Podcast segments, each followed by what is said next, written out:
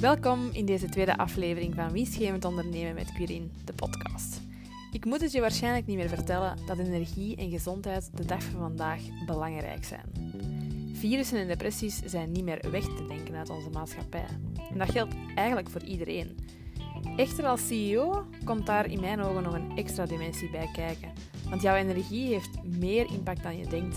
En vooral, je energie op peil houden is niet zo tijdrovend als je denkt.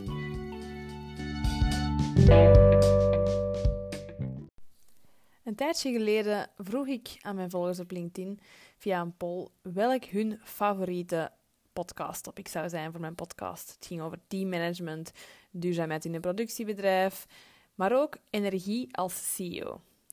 Ik had het niet meteen zien aankomen, maar dat laatste thema stak er wel echt met kop en schouders bovenuit. Als ik met klanten spreek, duiken we vaak meteen in een van hun eerste vragen en, en uitdagingen. En na enkele minuten vraag ik eigenlijk als eerste: hoe is het met uw energie? En waarom leg ik daar nu zelf zo de nadruk op? Even een korte zijweg naar het verleden. Ik ben opgegroeid in een ondernemersfamilie en ik heb eigenlijk nooit anders gezien dan zaakvoerders en CEO's die vele uren en hard werkten. En in het weekend, als ze stil zaten aan de familietafel, bijna allemaal in slaap vielen. Dat was zoiets heel typisch. Als zij door bleven gaan, dan ging dat wel. En als ze iets moesten doen met ons, of, of buiten in een tuin spelen of zo, dat ging al wel. Maar vanaf ze stil zaten, twee minuten, en het was eigenlijk om het snelst snurken. In mijn eigen start-up ben ik mezelf daar ook wel eens in voorbij gelopen.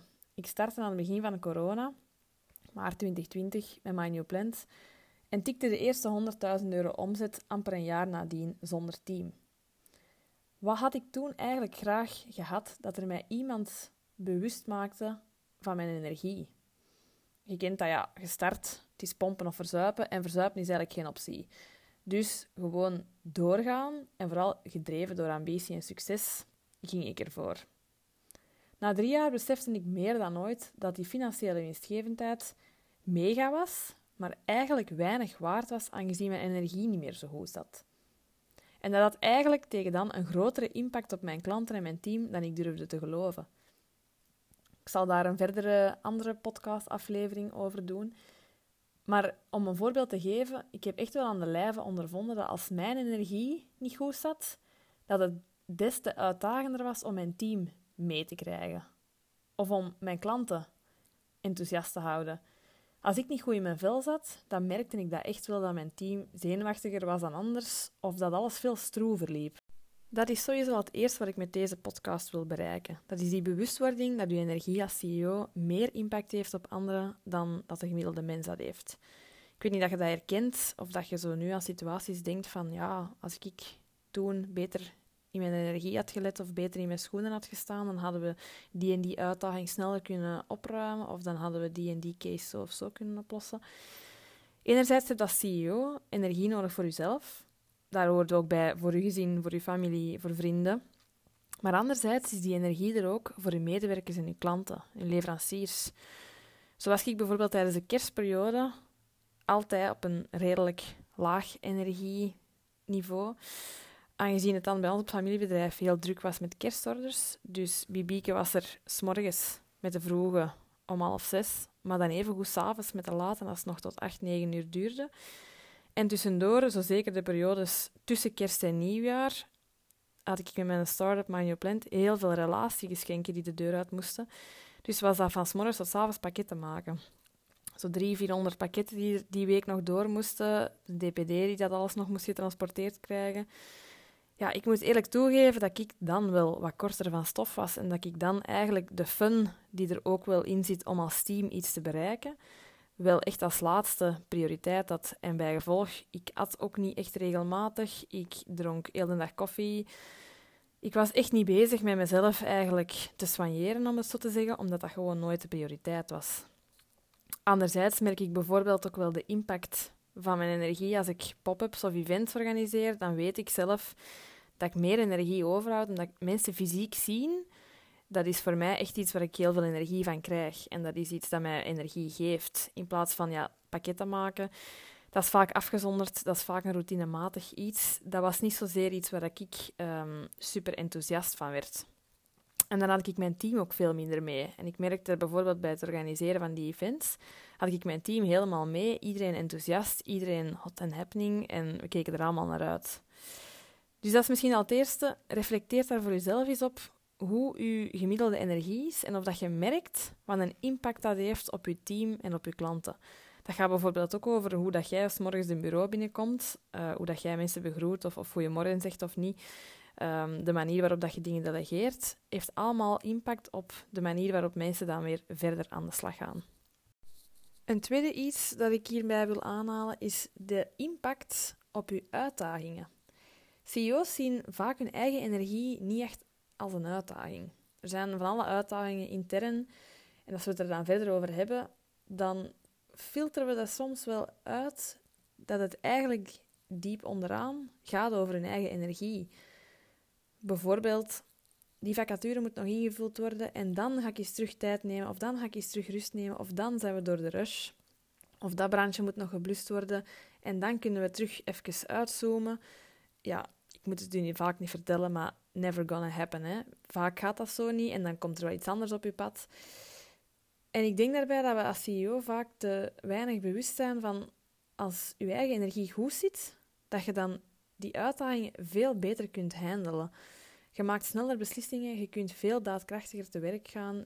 Je visie blijft ook veel helderder, waardoor je medewerkers ook veel duidelijker weten wat er moet gebeuren, wat ze zelf kunnen beslissen, wat ze eventueel moeten vragen of waar ze u wel of niet moeten mee lastigvallen. En als ze merken dat jij als CEO zelf op de toppen van je tenen loopt, of daardoor misschien begint te twijfelen, of daardoor zelf niet echt niet meer goed weet hoe iets aan te pakken, dan verliezen zij ook hun perspectief. Dus als je voelt dat je veel uitdagingen op deze moment hebt, waarvan je soms denkt van echt waar, stopt dat nu niet? En blijf, van waar blijft dat komen? Dan is vaak de reflex, laten we er zelf even zien vliegen en het zoveelste brandje gaan blussen. En dat heeft een korte termijn impact, zeker wel. En soms moet dat ook gewoon gebeuren. Maar heeft totaal eigenlijk geen lange termijn effect. En ik zou op zo'n moment eigenlijk aanraden om meer uit te zoomen. En dus als je het gevoel hebt van ik zit nu met te veel uitdagingen en ik heb nu even geen adem om uit te zoomen of om daarover na te denken, dat je dat net wel moet doen. Pak die helikopterview, zoomt uit en kijkt wat echt het onderliggende probleem is.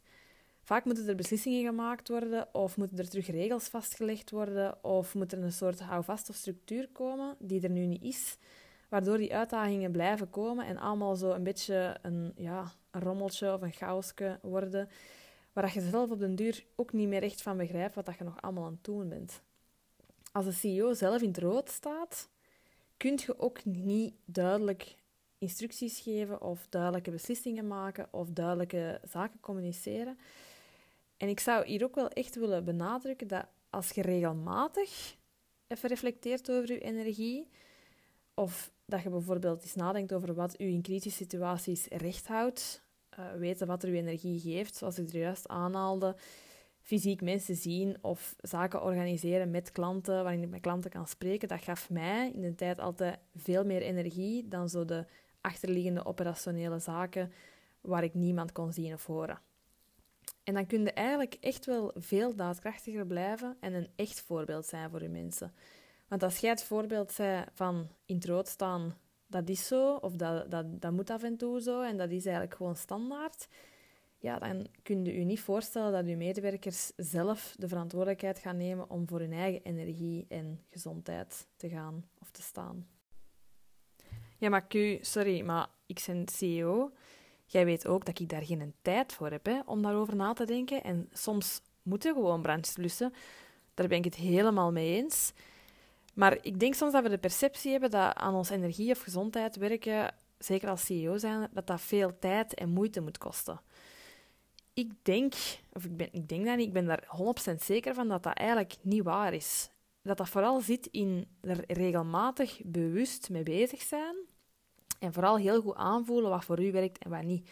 Want natuurlijk, tegenwoordig is het ook zo, je moet sporten en je moet sociale dingen doen. En je moet uh, letten op je koffiegebruik. En je moet mediteren. En je moet dit en je moet dat en je moet zoveel. Ik geloof dat dat inderdaad zeer overweldigend is. Maar dat het daardoor ook zodanig complex wordt gemaakt en dat het op zich niet zo moeilijk hoeft te zijn. ik denk dat je gezondheid of energie ook een beetje werkt als een spier. En dat als je daar consistent gewoon bewust aan denkt om daarmee bezig te zijn, of om je af en toe af te vragen wat je op bepaalde situaties anders of beter had kunnen doen, of wat er voor je op die moment goed voelt, dat dat al stap 1 is en dat dat al oké is. Door je daar gewoon bewust van te zijn en af en toe eens te stoppen met door te razen en door te gaan. En dat kan zijn dat je gewoon eens even gaat wandelen om je hoofd opnieuw helder te krijgen, in plaats van gelijk in een discussie of in de uitdaging te vliegen. Dat kan zijn dat dat mediteren is, al is het vijf minuten per dag. Dat kan zijn dat dat is je gedachten even uitschrijven of inspreken op een voice note om ze te ordenen. Of dat kan zijn dat je gewoon vijf minuten like een zot begint te squatten om even uit je hoofd te geraken. Het maakt niet uit. Test wat dat voor je werkt. Dat is echt een trial and error en dat zal ook niet altijd hetzelfde zijn. Sta bijvoorbeeld eens drie, drie dagen tien minuten vroeger op om gewoon tien minuten buiten te zitten. En gewoon te zijn. Voor alle drukte begint en eens te zien wat dat voor u doet. Al waard gaat er gewoon in het gras liggen, al waard mediteerde. Het maakt niet uit. Ik ben ook echt geen health coach. En ik hoef je hier ook niet te zeggen dat je gezondheid en je energie belangrijk is, want dat weet je al. Besef gewoon dat het niet alleen over u en uw directe omgeving gaat, maar dat je daarmee veel meer impact kunt hebben in je business dan dat je soms denkt. En vooral dat dat niet zozeer veel tijd en moeite moet kosten als je daar regelmatig mee bezig bent of als je daar regelmatig bij stilstaat. En vooral jezelf ook belangrijk genoeg vindt om daar iets mee te doen. Want het hoeft allemaal niet moeilijk en groot te zijn. Maar als je er te lang mee wacht en te lang doorgaat en niet bij stilstaat, dan gaat het u op den duur veel tijd en moeite kosten. En dat is veel ambetanter dan dat je er af en toe bij stilstaat en af en toe je eigen gewoon eens even afvraagt: wat kan ik nu doen om mijn energie op te krikken? Hoe klein ook.